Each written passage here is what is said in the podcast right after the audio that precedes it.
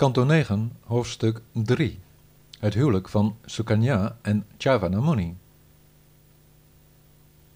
Sri Shukazai, de zoon van Manu, koning Shariati, was een hoogontwikkelde Brahmaan die om die reden instructies verschafte over de plechtigheden die op de tweede dag in het offerperk van de nazaten van Angira moesten worden uitgevoerd. Hij had een lotusogige dochter genaamd Sukanya, met wie hij naar het bos ging om de ashrama van de wijze Chavana te bezoeken. Toen ze in het gezelschap van haar vriendinnen vruchten en bloemen van de bomen aan het verzamelen was, zag ze in een mierenheuvel een tweetal soort van lichtjes schijnen. Toen het jonge meisje, maar wat proberend, met een doorn in de twee oplichtende dingen prikte, stroomde er bloed naar buiten. De lijfwachten stonden verschrikt als aan de grond genageld, zodat de koning, die zag wat zich had voorgedaan, zich tot zijn mannen moest richten. Helaas, we hebben iets verkeerds gedaan met het benaderen van de verlichte wijze. We hebben met de actie van een van ons klaarblijkelijk zijn ashrama geweld aangedaan. Bang zei Sukanya tot haar vader. Ik was het die, me niet bewust van waar ik mee bezig was, met een doorn in twee oplichtende dingen heb geprikt.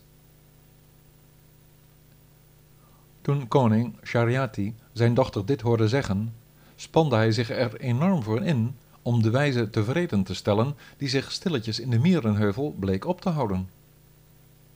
Begrijpend wat er voor nodig was om alles in orde te brengen, schonk hij, om te kunnen vertrekken, met de grootste moeite zijn dochter weg aan de Muni en keerde hij vervolgens met zijn permissie terug naar huis. Nadat Sukanya Chavana als haar echtgenoot had gekregen, had ze begrip voor hem die nogal korzelig met haar bleef.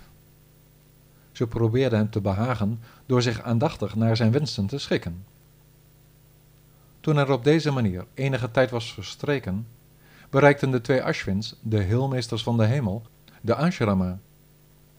Na hen zijn eerbetuigingen gebracht te hebben, zei de wijze, O meesters, alstublieft, schenk mij jeugdigheid. Ik weet dat u geen soma kan drinken, maar ik zal u een vat vol soma rasa bezorgen, als u me de kracht en schoonheid geeft die zo begeerlijk is voor de vrouwen. Zo zei het, zeiden de twee grote heelmeesters tegen de geleerde hem bevestigend. Duik maar in dit meer, dat zal u perfect maken. Al dus toegesproken werd de bejaarde met zijn grijze haar, slappe huid en zwakke lichaam, waarvan je de aderen kon zien, door de Ashwins het meer ingeholpen. Toen de drie weer uit het meer tevoorschijn kwamen, waren ze van de grootst mogelijke schoonheid die een vrouw zich maar wensen kan, met lotusbloemenslingers, oorhangers, gelijksoortige trekken en mooie kleren. Toen de jonge schoonheid ze zag, kon de kuise vrouw niet uitmaken welke van hen nu haar echtgenoot was, daar ze allen even zo mooi als de zon straalden, en dus nam ze haar toevlucht tot de Ashwins.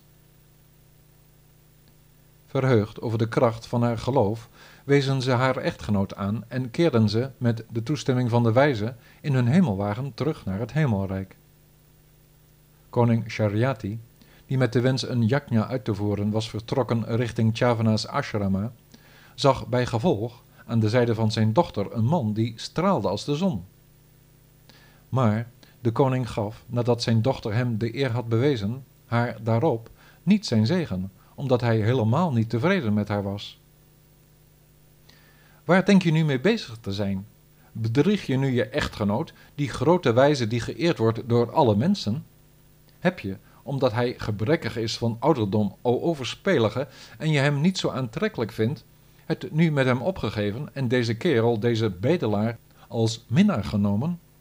Heb je je verstand verloren? Je bent, als een dochter uit de meest gerespecteerde familie, met het erop nahouden van deze minnaar, een schandvlek voor de hele dynastie. Jij, zo schaamteloos, doet zowel je vader als je echtgenoot in het diepste duister belanden. Ze lachte en zei met een glimlach tegen haar vader, die haar al dus terecht wees: O vader, deze man hier is uw schoonzoon, de zoon van Brigu. Ze beschreef haar vader het hele verhaal, hoe hij van leeftijd was veranderd en zijn schoonheid had verworven, waarop hij toen, uiterst verheugd en verrast, zijn dochter omhelsde.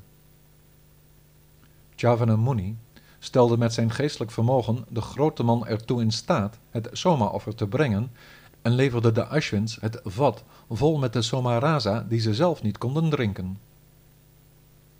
Verontwaardigd nam Indra kwaad zijn bliksemstraal ter hand om hem meteen te doden, maar de man van Brigu verlamde de arm van Indra die de bliksemschicht vasthield.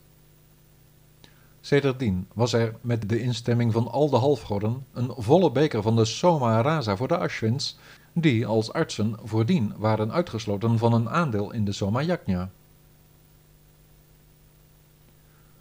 Uttanabari, Anarta en Burishena waren de zonen verwekt door Sharyati. Anarta zette vervolgens Revata op de wereld. Nadat hij in de oceaan op een eiland voor de kust een stad had gebouwd genaamd Kushastali, Dwarka, leefde hij materieel gelukkig, heersend over gebieden als Anarta en anderen, o onderwerper van vijanden. Van hem kwamen er honderd zonen ter wereld, waarvan Kakutmi de oudste was. Kakutmi nam zijn dochter Revati mee naar Brahma's verblijf voorbij de geaardheden om te vragen om een echtgenoot voor het meisje. Omdat de oorspronkelijke leraar van het universum druk bezig was te genieten van de muziek van de Gandharva's, had hij geen seconde tijd voor hem. Maar toen dat was afgelopen, kon Kakutmi hem, na het brengen van zijn eerbetuigingen, zijn verlangen voorleggen. De Almachtige Heer moest lachen over wat hij te horen kreeg en zei: Helaas, o koning, wie u ook in gedachten had als echtgenoot voor uw dochter, is al lang verdwenen. We vernemen niet langer over hen, noch over hun zoons, kleinzoons, nazaten en geslachten, omdat, terwijl u hier wachtte, een tijdspanne van driemaal negen Mahayugas is verstreken.